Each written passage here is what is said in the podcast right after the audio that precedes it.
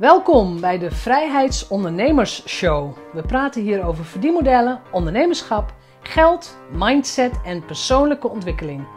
Ik ben jouw host, Jeanette Badhoorn, bedenker van het merk Vrijheidsondernemers, auteur, organisator van de Transatlantische Ondernemerscruise en online pionier. Welkom, dit is aflevering 79 van de Vrijheidsondernemers Show. En ontzettend tof dat je weer luistert als dit, al een, af, als dit een aflevering is. Je hebt er al meer geluisterd. Ontzettend welkom als je voor het eerst luistert.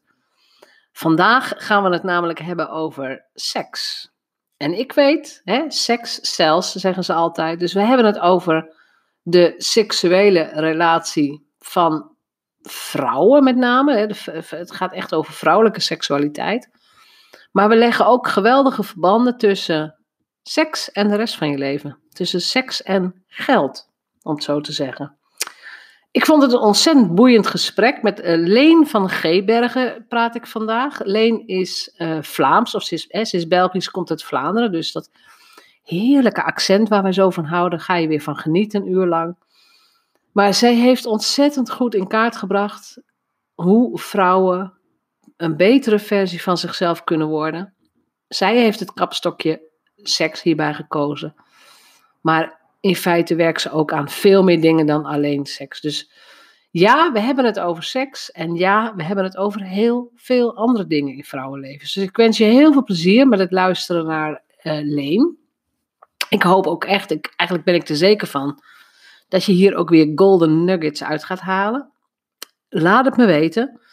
Maar voor nu weer bedankt voor het luisteren en veel plezier. Welkom. Vandaag praat ik met Leen van Gebergen uit Vlaanderen. En um, ja, Hallo. ik zou bijna zeggen, we gaan het vandaag over seks hebben. Onder Toch een andere. beetje. Toch een beetje, ja. Toch een beetje. En ik weet, hè, seks verkoopt. Dus iedereen die nu de eerste zin heeft gehoord, die denkt, oh, hier moet ik naar luisteren. Als jij, um, als jij nu naar een congres zou gaan of een evenement, hè, stel dat het allemaal weer mag mogen straks, hoe stel jij jezelf voor? Van, hè, mijn naam is, nou, je naam. Wat, is, wat, is daar, wat zijn de twee, drie zinnen die meteen daarna komen? Uh, ik ben Leen van Heerbergen en ik uh, inspireer vooral vrouwen naar bewustere keuzes in hun seksualiteit bewustere keuzes in hun seksualiteit. Ja, dat vat het eigenlijk samen in één zin. Ja, en daar heb je ook een boek over geschreven, het boek Vrijaf. Ja.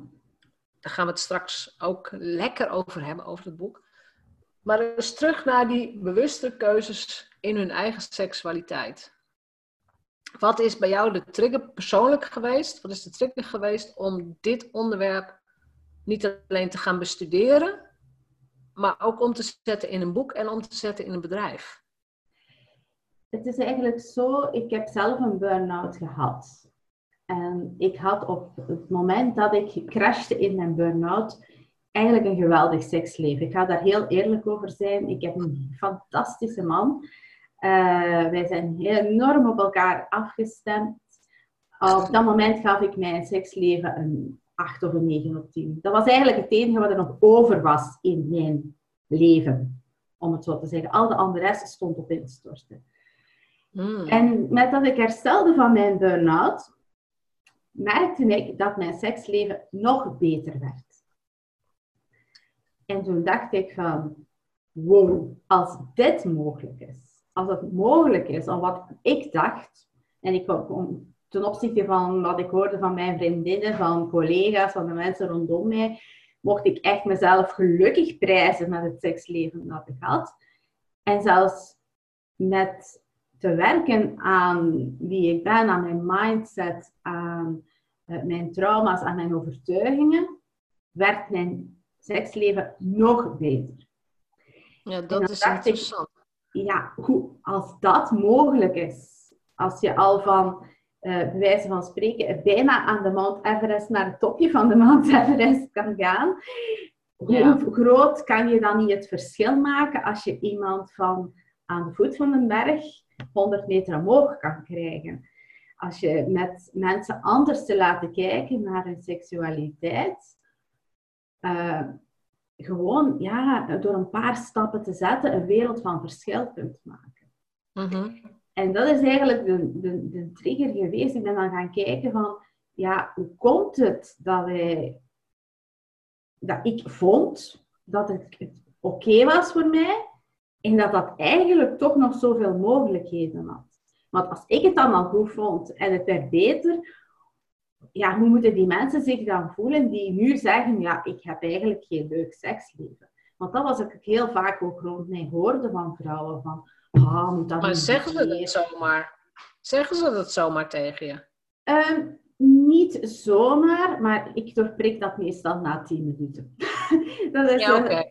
Dus eh, mensen praten van, ja, ja, ik heb u niet nodig, zeggen ze dan tegen mij zo lachen. Hè? Ik heb u niet nodig. En na tien minuten, dan, dan, dan, ja, dan merk je dat er overal bij iedereen, om, zoals wij dat hier in België zeggen, haken, haken en ogen aan zitten. Ja, ja, ja. Uh, er bij iedereen wel een aspect is waarvan je zegt, ja, maar als je dat stukje zou verbeteren van je seksleven, dan zou het nog veel beter gaan. Ja, Kijk, in Nederland staan we er wel onbekend dat we overal over praten. En, en, en, en nou, seks is hier inderdaad gewoon een, het is een industrie. Maar, gewoon met, met vriendinnen onder elkaar. Uh, wij praten ook niet over seks. Niet over van, uh, goh, ja, heel af en toe een, een, klein, een klein doorschijningje. Maar verder niet hoor. Er wordt, als er wordt gepraat, wordt er heel vaak gepraat naar, ik noem het naar de mond praten. We doen het gelijk, eh, we wekken de indruk dat we eigenlijk iedereen. We willen niet opvallen in de groep. Dus heel vaak mhm. als er over seks gepraat wordt, dan gaan we doen alsof alles oké is en alsof wij het doen gelijk iedereen het doet. En uh, ik ben zelf ook altijd heel open over mijn seksualiteit geweest. Ik heb daar zelf altijd interesse in gehad, ook al was ik ben heel lang single geweest, dus ik heb het uit de boekjes gehaald uh, in mijn twintiger jaren, letterlijk. Um, en ik, ik, ik heb daar eigenlijk uit geleerd van met een bredere blik te kijken. Het kan niet dat mensen zeggen, ja, maar bij mij loopt het zo en zo en zo en het loopt goed. Een heel simpel voorbeeld is uh, samen slapen. En we hebben het ideaalbeeld dat een koppel samen in één bed slaapt. En het ideaalbeeld is zelfs dat we samen uh, gaan slapen en samen opstaan. Mm.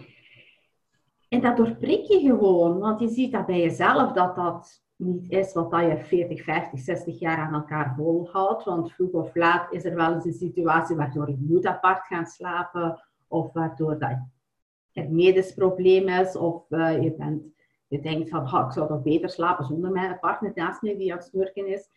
En als je maar dat is wel echt een taboe. Het is echt een taboe. Ja, dat is een heel groot taboe.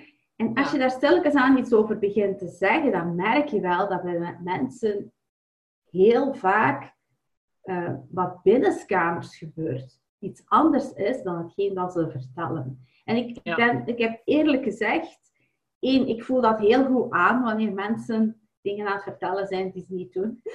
dus dat heeft al... En wanneer ze de façade ophangen, dan ben ik de eerste om dat er te doorprikken. Dus dat is al, al wel een heel positief iets. En twee, door zelf ook open te zijn. Door zelf ook uh, ja, te durven zeggen. Ik geef eerlijk toe, wij zijn, eh, mijn jongste dochter is geboren. Mijn man en ik hebben twee jaar apart geslapen. Ja. En ik heb dat eigenlijk nooit verzwegen aan iemand. En dat was om, om beide rust te krijgen? Hij had, hij op dat moment dat hij een burn-out. Uh, ah, Dat was één aspect. En twee, ik gaf borstvoeding. En ja. uh, hij zei, ik ga jullie laten doen. En, ja. Maar als je kijkt, uh, bijvoorbeeld profvoetballers, wanneer die een vrouw bevallen is, die slapen ook apart, want die hebben een rust nodig. Topsporters hoor je dat heel vaak, dat mensen apart slapen. Mensen die uh, bijvoorbeeld in ploegensystemen staan, met ploegen en laters, hoor je heel vaak dat die apart slapen. Alleen, er wordt niet over gepraat. Alleen als je zelf komt met het verhaal van, ja, eh, wij, wij doen het zo, dan komen de tongen los.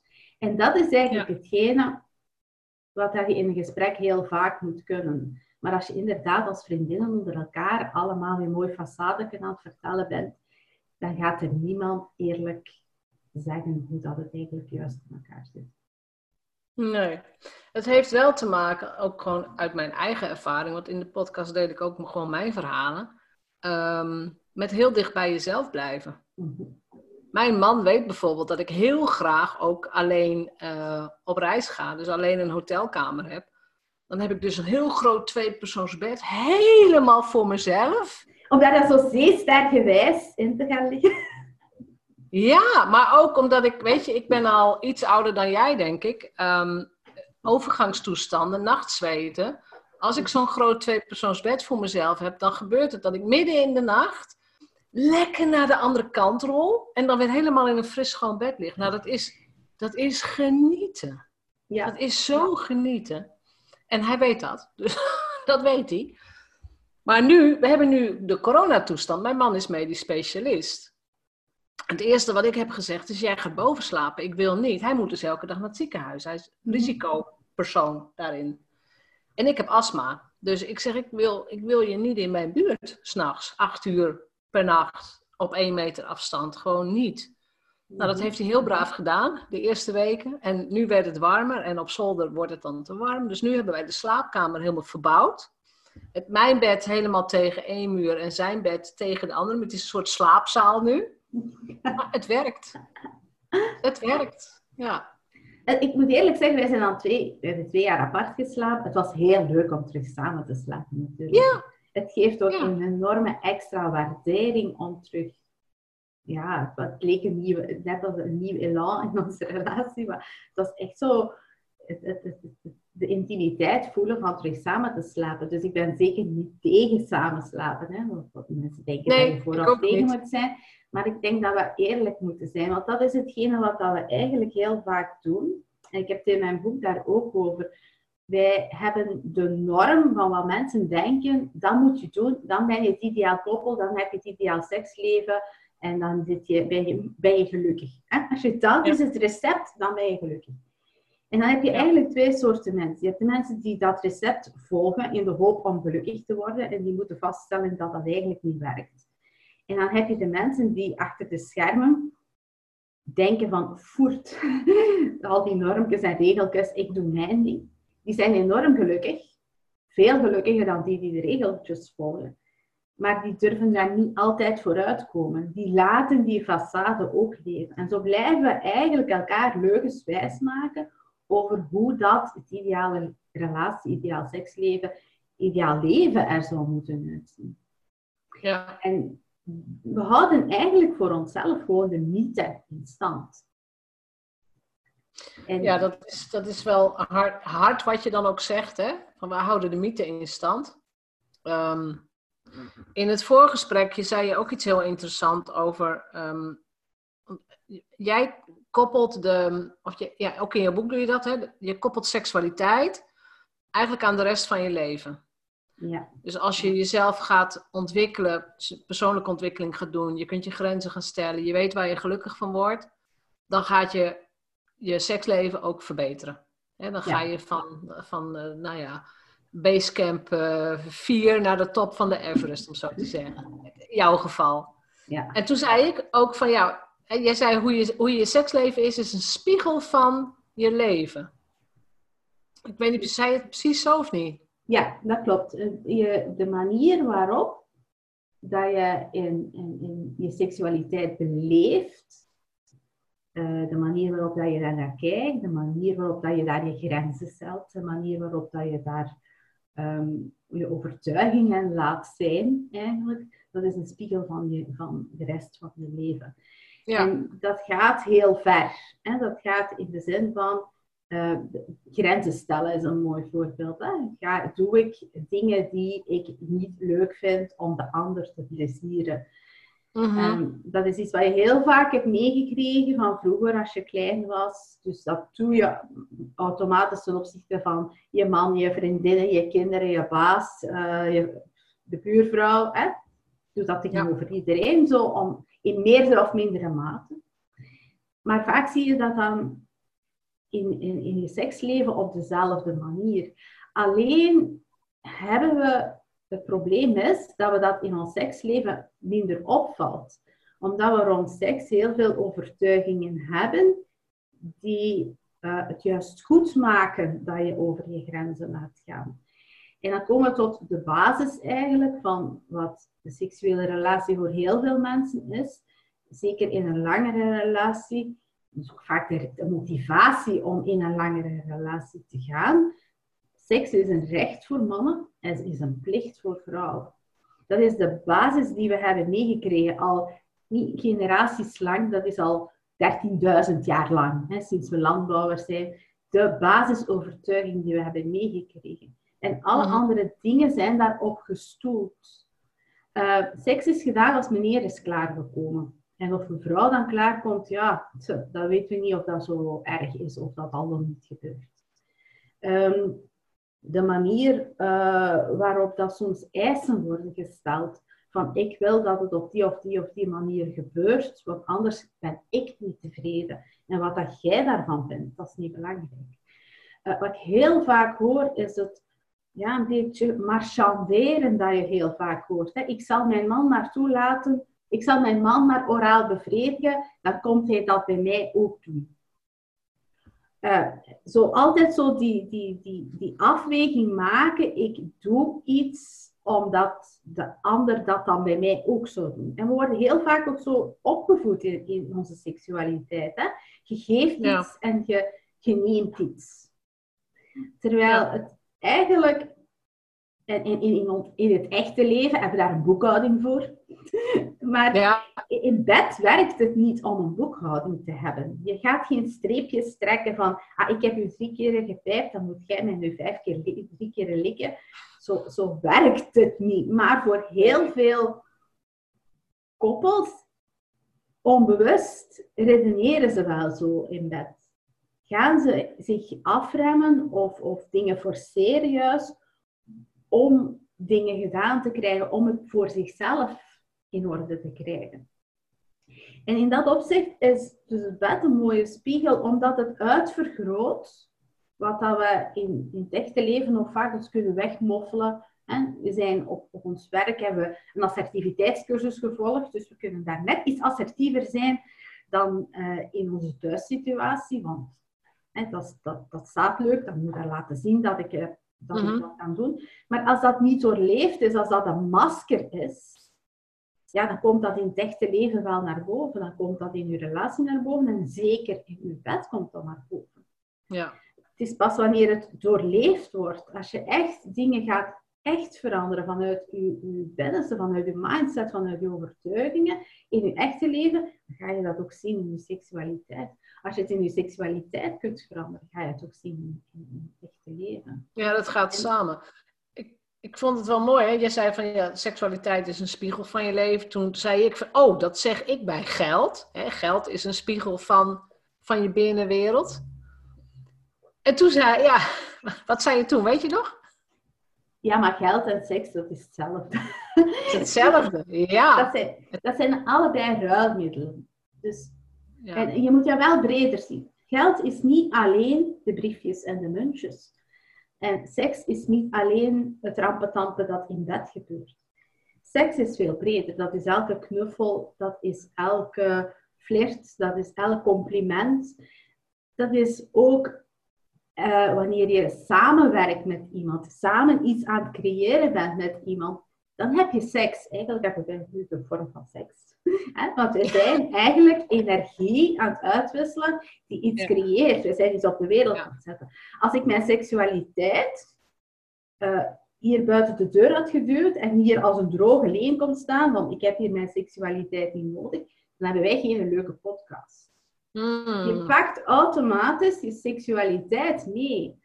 Als je dat niet doet, en dat is het probleem dat heel veel mensen hebben, want ze willen hun seksualiteit bewaren voor hun partner en gaan en proberen dan een zeer strikte scheiding te houden tussen wat thuis is en wat hun werk is. En dan komen ze op het werk en dan staan ze daar eigenlijk als een stijve hark, om het zo te zeggen, om maar geen fouten te maken. Maar als je dan moet gaan samenwerken met iemand, is het resultaat veel minder goed, of veel minder creërend dan wanneer je je seksualiteit hebt meegebracht. Ja. Uh, en je, je, seksualiteit en je sensualiteit. Ja. En die spiegel die zie je zowel in seks als in geld. Dus het, het Klopt. Seks is ruimer dan alleen wat je in bed doet. Uh, wat ik in bed noem, ik noem dat eigenlijk copulatie. Dat is twee lichamen samen niet doen. Ja, ja, ja, ja. snap ik. Maar seks is veel ruimer. Uh, van deze tas drinken die ik, waar ik mij goed bij voel en die ik leuk vind. Dat is een seksualiteit. Dat is een sens sensualiteit die zorgt dat ik mij seksueel opgelaten voel. Maar we ja. proberen dat altijd zo te scheiden. Maar dat is niet te scheiden. Nee, dat is, het is een soort basis. Uh, het is een basis iets wat bij een zoogdier hoort volgens mij. En wij zijn gewoon platte zoogdieren. Ja. Met een, met een laagje hersenen, maar we zijn. Ja, nou ja. Een dun laagje chroom uh, is het uh, vaak. Ja, ja, zo een dun laagje denkend weefsel. Ja. Veel waarom, waarom is de, is, Waarom is de hele wereld zo ontzettend bang voor vrouwelijke seksualiteit? Omdat het, een, denk ik persoonlijk, het heeft te maken met controle. Ja. Als je ziet, men is niet bang voor vrouwelijke seksualiteit, men is bang voor het, het, vrouwelijke wezen van seksualiteit. Ik zeg altijd tegen mijn cliënten, als ze heel veel vrouwen hebben bang, zijn bang om te verleiden om te flirten, om hun verleidelijkheid te tonen. Maar het gaat niet om te verleiden, het gaat erom om verleidelijk te zijn. Een sterke vrouw is niet een vrouw die verleidt. Een sterke vrouw is een vrouw die gewoon verleidelijk is. En dat nuanceverschil, we hebben geleerd dat het slecht is om als vrouw te verleiden, want dat is manipulatie. Dat vinden we niet leuk om gemanipuleerd te worden, dan verliezen we controle. Maar het, is, het gaat eigenlijk niet om verleiden als act. Het gaat om iets wat je bent. Je bent verleidelijk. Maar je bent verleidelijk door de manier waarop je loopt, de manier waarop dat je je kleren, de kleren die je draagt, hoe je je voelt als je uh, uit je lievelingstas drinkt, hoe je je voelt na een heerlijke douche. Dat is verleidelijk zijn. Ja. Verleidelijk zijn heeft met zelfvertrouwen te maken. En dat heeft Precies. niks met verleiden te maken, want verleiden ja. is een act. En we maken in ons leven heel weinig, in, in onze maatschappij, heel weinig dat onderscheid. We zijn, en dat is dat laagje denkweefsel dat we hebben. Dan zijn we actief iets aan het doen. Maar als je actief iets aan het doen bent, dan ben je aan het controleren. Dan ben je mensen op een of andere manier onder controle aan het houden. En ja, dat werkt niet. Dat nee. Uh, nee, als je corona-maatregelen zie je dat wel mensen daar tegen in opstand komen. Maar als je ja. vanuit jezelf verleidelijk bent, dan, dan, dan heeft niemand daar iets op tegen. Integendeel, dan vinden jou gewoon leuk. En dan gaat men jou ook veel minder bedreigend vinden. Want dan ben je gewoon wie je bent. Maar ja, komen we weer... Twee kanten aan. En dan komen we weer aan die masker dat we opzetten. Want ja. we moeten verleidelijk zijn. En we kunnen het niet zijn, want dat hebben we niet geleerd. Of daar zitten we vast met iets. Of daar zitten onze overtuigingen. Of ons lichaam zit daar vast. Dus we gaan met het masker opzetten van ik verleid. Maar dan ben je in een actieve rol bezig. Ja. Is dat ook niet het dubbele? Want, um, want ik zei al van, niet iedereen zal jou aantrekkelijk of verleidelijk vinden als je vol zelfvertrouwen de wereld in gaat. Want dat gaat, voor mij is iemand die heel goed wat hij wil en gewoon lekker eigen gereid door het leven gaat. Of je nou, weet je, kunstenaar bent of succesvol business coach of wat dan ook. Maar iemand die gewoon weet wat hij wil, handelt vanuit integriteit, handelt vanuit um, jullie kunnen me allemaal wat. Weet je, die mentaliteit, dat vind ik heel aantrekkelijk. Um, want dan denk ik, van, ja, weet je, je hebt erover nagedacht en hier sta je voor. Maar die andere kant zie ik ook. Hè, op het moment dat mensen gewoon vol zelfvertrouwen de wereld in gaan, gaan dat er toch een hoop mensen zijn die zeggen, ja, ja, ja, ja die heeft makkelijk praten of eh, ze zeggen maar wat. Of, weet je, die. Hoe, ja, hoe maar dat is, je dat? de, dat is de frequentie waarop dat je functioneert. Als je functioneert op Basecamp of je functioneert aan de top van de Mount Everest, Ja, dat is een, ook een andere taal die je spreekt. Dat is een andere vibratie die je hebt. Dat is een andere manier waarop dat je in het leven staat. En mijn ervaring is dat mensen hoger, bij wijze van spreken, het, ik- het klinkt een beetje pejoratief om be- aan Basecamp te staan, hè, maar iedereen is ooit aan Basecamp begonnen. Hè, Mhm. De kat en kat noemen. Maar als je een beetje hoger op je berg staat, dan, dus, dan ga je op een andere manier kijken naar al die dingen. En zijn, ik, ik, ik geef altijd als, als, voorbeeld, en dan komen we bij, bij het geld weer, hè? dat is een mooi voorbeeld. Ja. Eh, mensen die weinig geld hebben, die kijken naar rijken en die zeggen, wauw, die hebben het gemakkelijk. Dat is niet zo. Jij weet net als ik dat elke ondernemer, zelfs de succesvolste ondernemer, op bepaalde momenten letterlijk een lege, portemonnee. Ja. Ja, op bepaalde momenten moeten die op hun cre- creditcard leven om de maand rond te komen, wachten tot het volgende factuur betaald is. Maar ik vergelijk het ook heel vaak met eh, dingen. Hè. Je hebt zo de eerste provinciale voetbalploeg. Hè. Die willen dan in Ja. eerste klasse spelen. Die denken, oh, als we in eerste klasse spelen, dan gaat al de problemen opgelost zijn.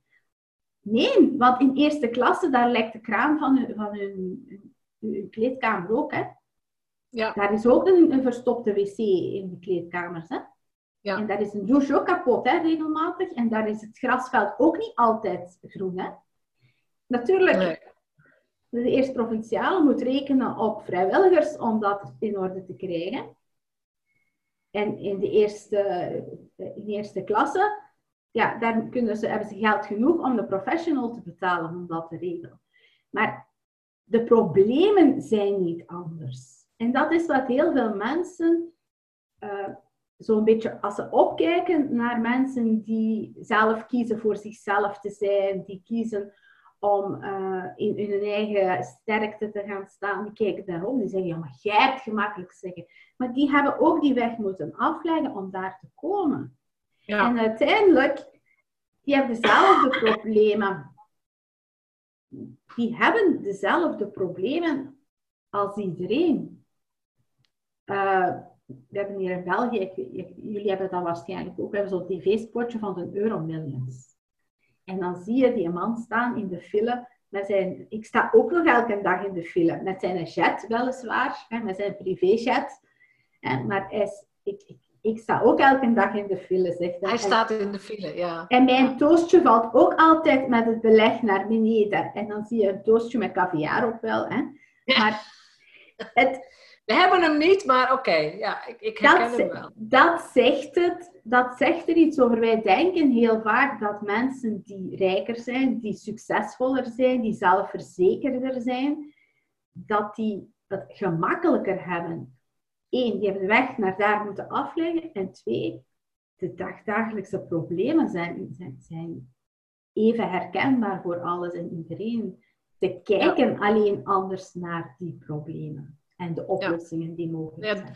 Dat is het grote verschil, denk, denk ik. Als je eenmaal gewend bent sowieso om als ondernemer te functioneren.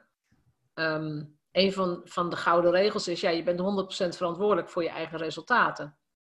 Dus als iets niet goed gaat, oké, wat heb jij dan laten vallen? Wat heb je niet gedaan of wat heb je verkeerd gedaan?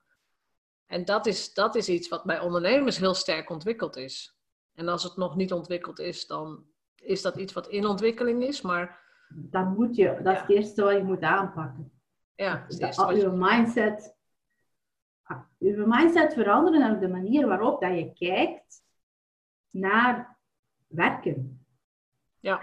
Ehm, wij hebben meegekregen dat als je werkt, dat je geld verdient.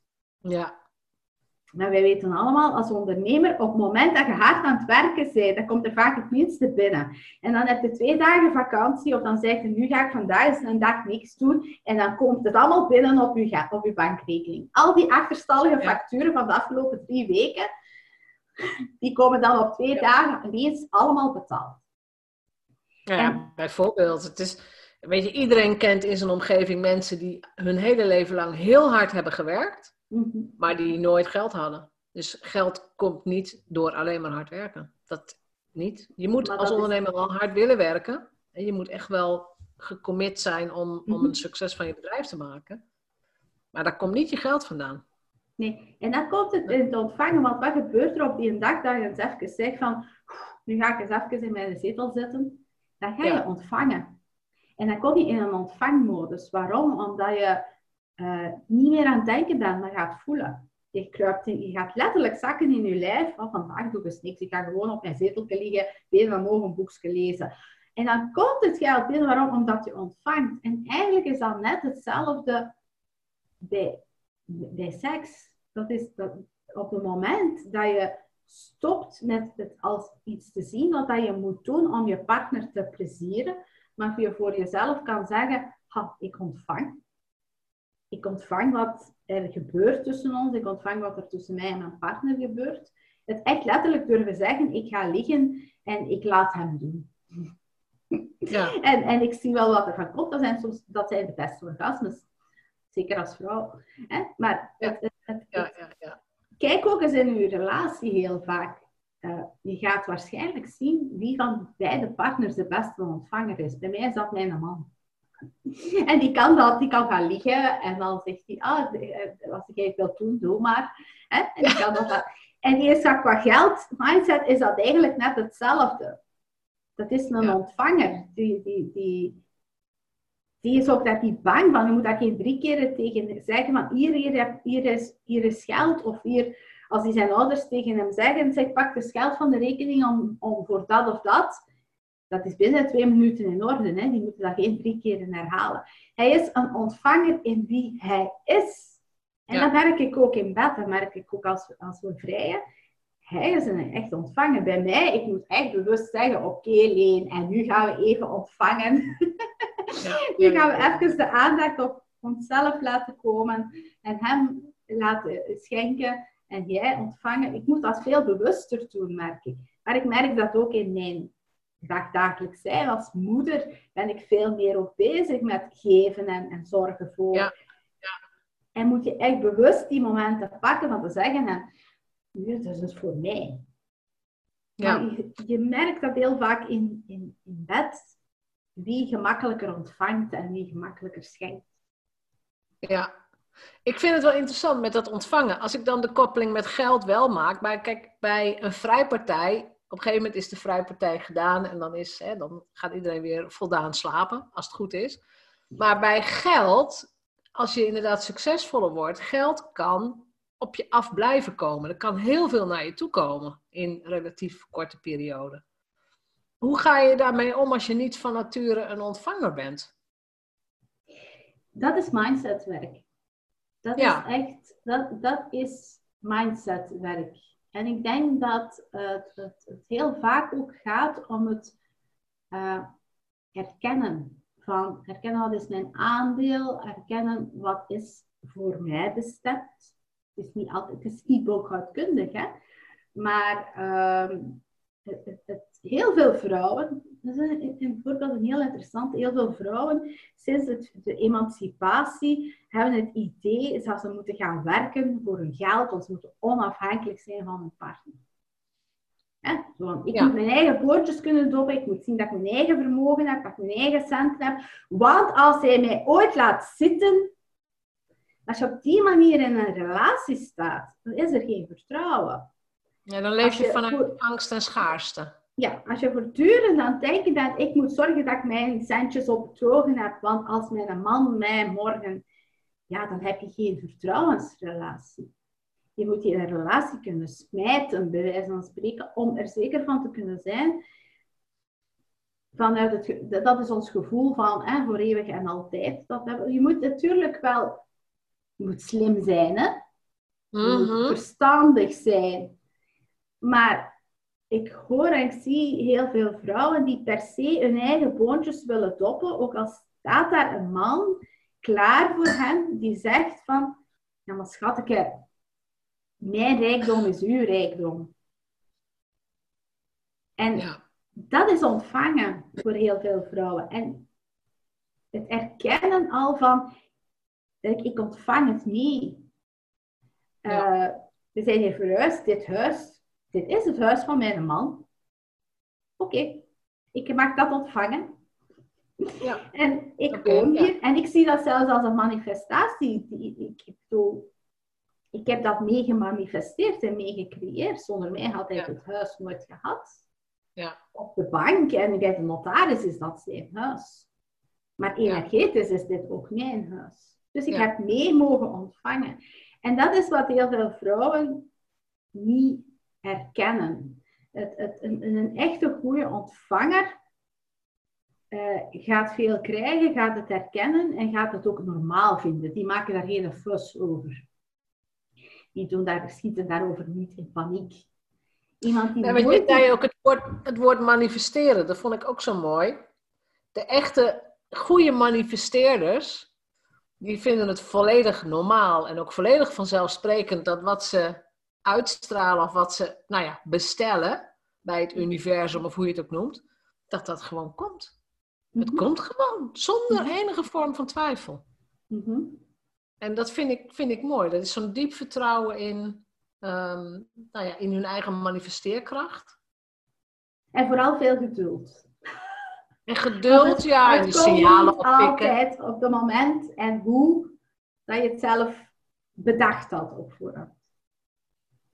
Het, het komt maar ik vind het ook een heerlijke levenshouding, want dat zijn ook de mensen die zeggen, ja, ik heb altijd een parkeerplaats vooraan. Weet je, het is, ik ga de parkeerplaats op en uh, ja, tuurlijk is daar een plekje voor mij. Geen stress, niet denken van, oh, als ik maar een plekje vind en oh, wat is het druk. Nee, gewoon vanuit vertrouwen, vanuit een flow en, en, nou ja, en dan is het ook heel vaak zo. Dus ja. uh, dat is een vak wat ik nog aan het leren ben. En ik ben, ik ben in de leer. Ik ben, wij zijn daar altijd allemaal in de leer. Ja, dat denk ik ook. Dat denk ik ook. Ik heb ook al hele leuke dingen gemanifesteerd, maar ik denk, oh, dat kan nog veel krachtiger. Maar het gaat niet alleen om het manifesteren, het gaat ook om in, in synchronisatie te zijn met je gevoel. Als ik zie, de, zeker naar dit huis toe, de afgelopen half jaar, keuzes gemaakt. En door die keuzes is er zoveel aan het rollen geweest. En soms hebben we keuzes gemaakt die heel onnatuurlijk waren. We kwamen hier binnen eind februari. En we hadden eerst als gedacht van we gaan hier alles schilderen, het is hier nu leeg, we gaan zorgen dat alles geschilderd is. En iets in ons zei, nee, we gaan niet schilderen.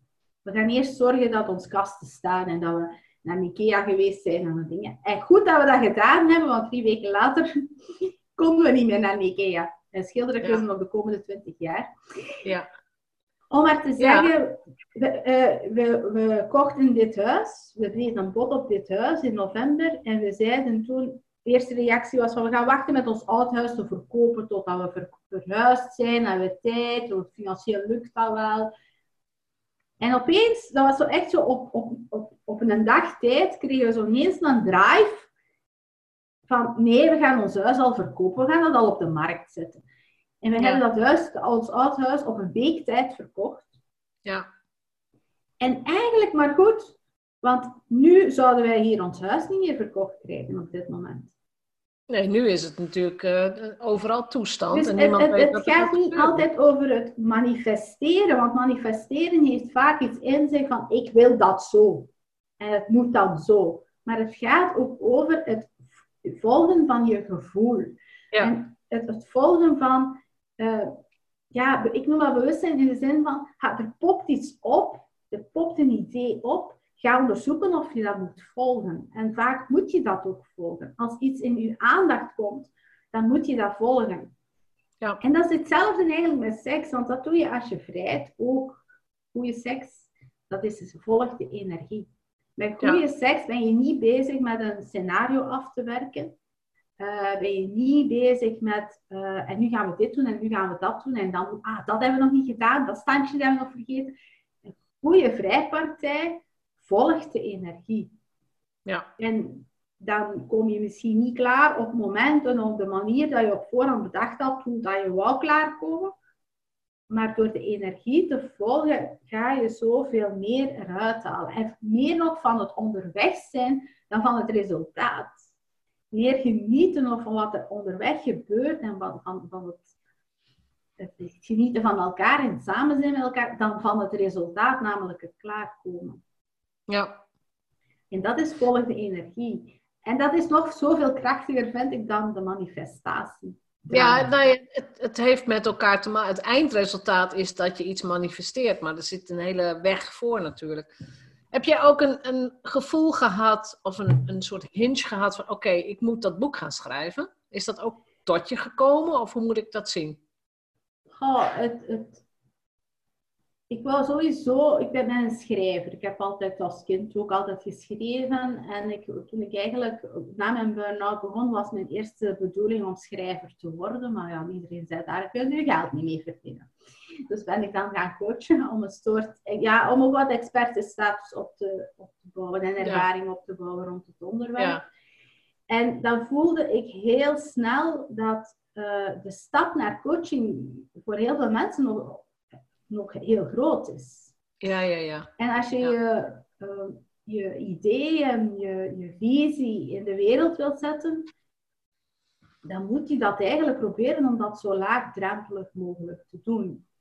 En van daaruit ook mijn boek, van daaruit ook de titel. Want uiteindelijk is het een boek dat iedereen zou moeten lezen. Want we zijn, het is geschreven vanuit het idee van dit is voor de Vlaamse Nederlandse vrouw, bij wijze van spreken.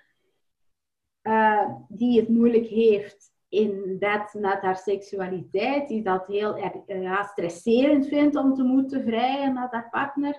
Dat is eigenlijk de insteek van het boek.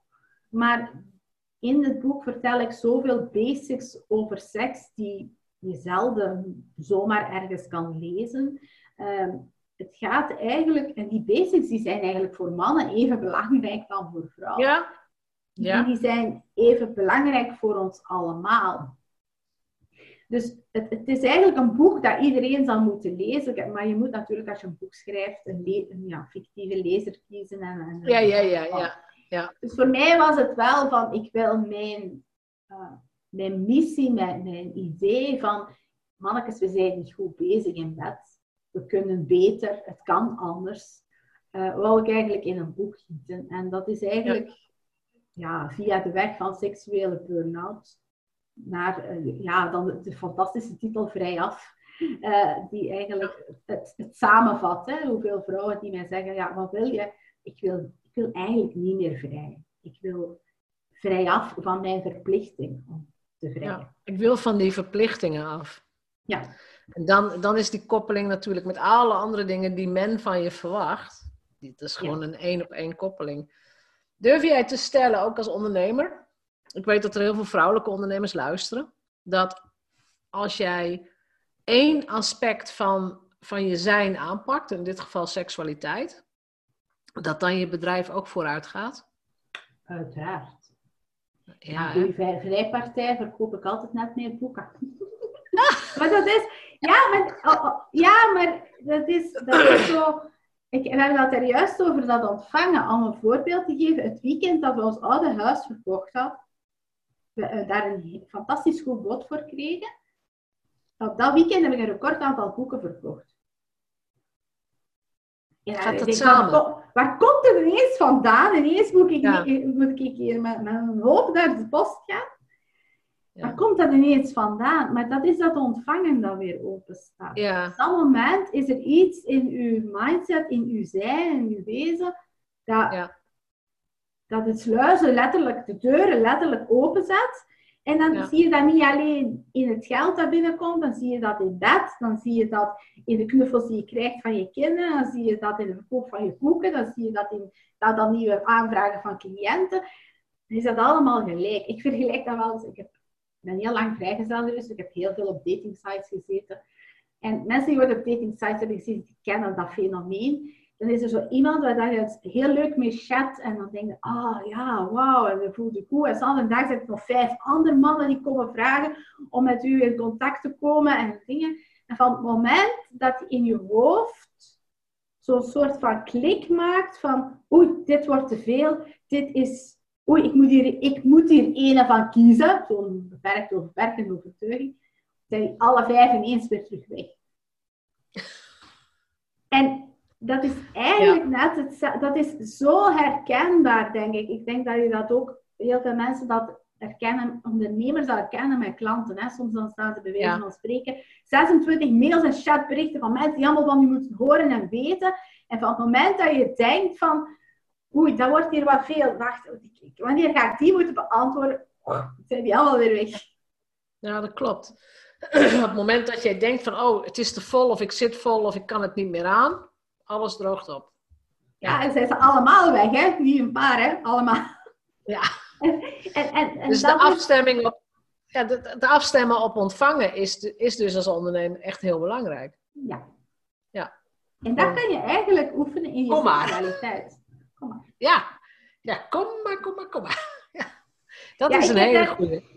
Ik heb daar een heel... Uh, ik volg Gary Douglas en Dave, Dr. Dave hier van Access Consciousness. En ik heb van hen iets fantastisch geleerd. Dat is dat als je een, iets geeft aan mensen, en zeker als je ziet dat dat iets gedaan heeft, dat je vraagt van, mag dan nu het geld hebben als toedoen?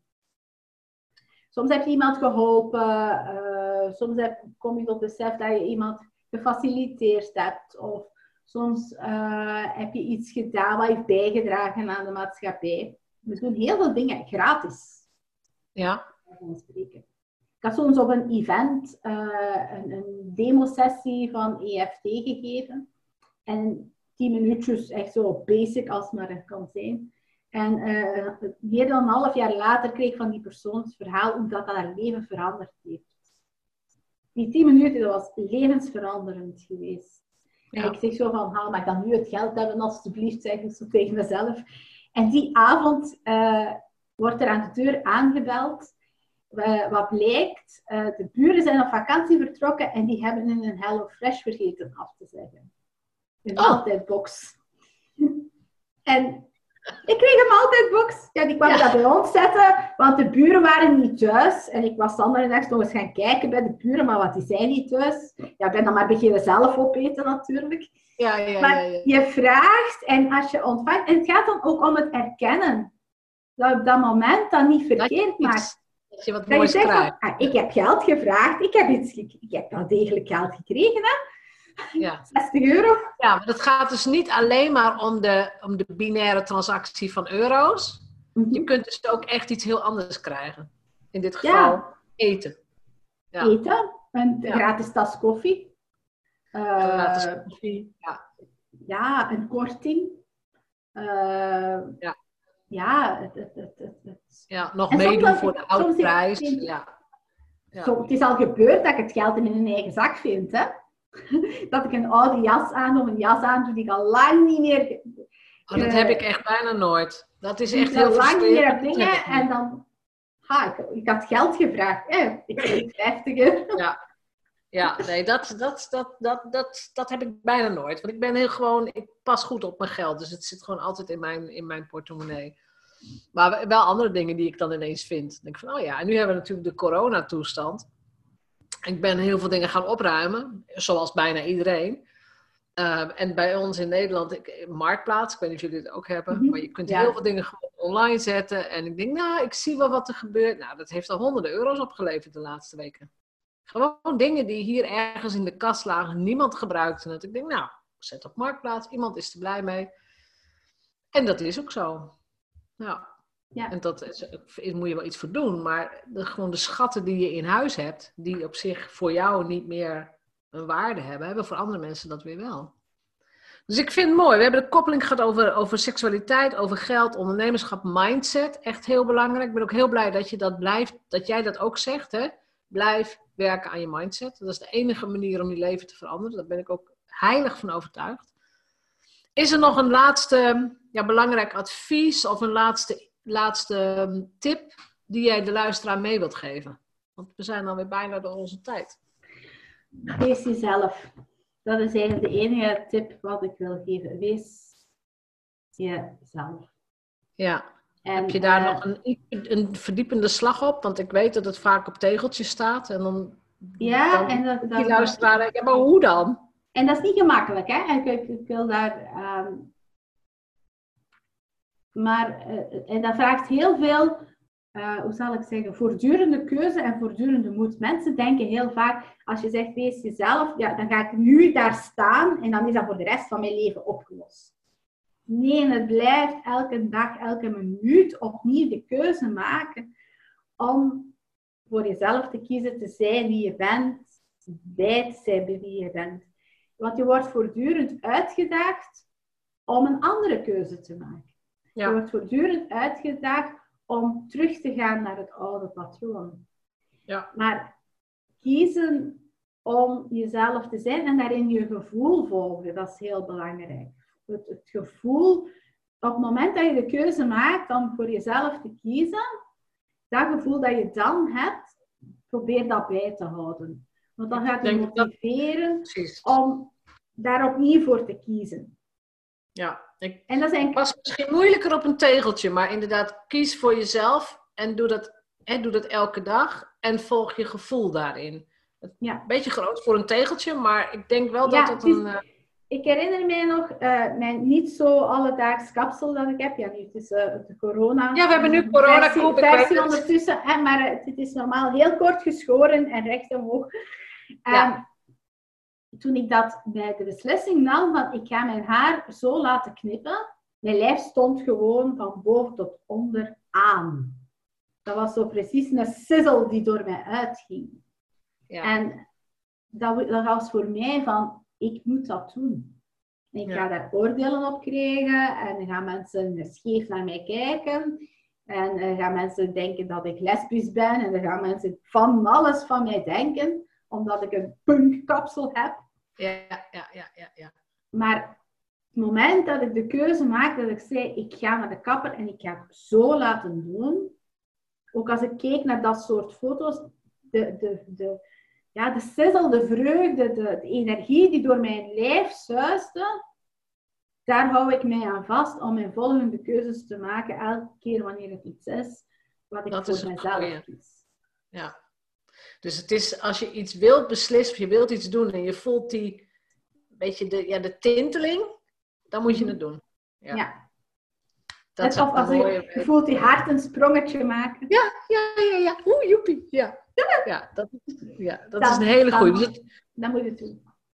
Ja. En dan nou, moet je vasthouden. Dat, dat gaan we gewoon volgen. Het wordt, het wordt alleen maar leuker. Naarmate je meer durft te kiezen, wordt het alleen maar leuker. Ja, ja. Het wordt ook gemak, het wordt gemakkelijker. Het, gaat het wordt gemakkelijker, ja. dat is, ook zo. Ja. Het gaat nooit weg, de uitdaging blijft altijd een uitdaging, maar het wordt wel gemakkelijker. Ja. Dus het boek heet Vrij Af. Ja. Ehm, ik zal ook de link naar het boek in de show notes zetten. Maar mag ik jou voor nu hartelijk bedanken voor dit gesprek over, nou ja, over seks, over geld, over mindset, over ondernemerschap, over de reis die we allemaal maken.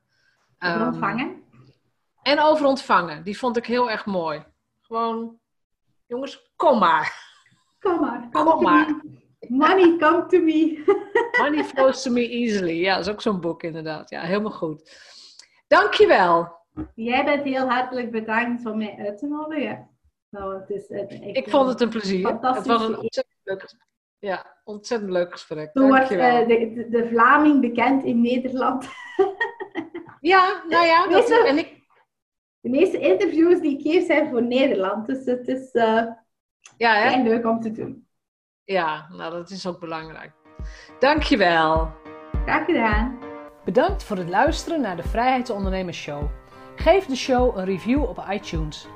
Als vrijheidsondernemer werk je waar, wanneer en met wie jij wilt. Dat gun ik jou ook. Ik weet dat het kan. En bij de juiste keuzes is vrijheid ook voor jou mogelijk op jouw vrijheid.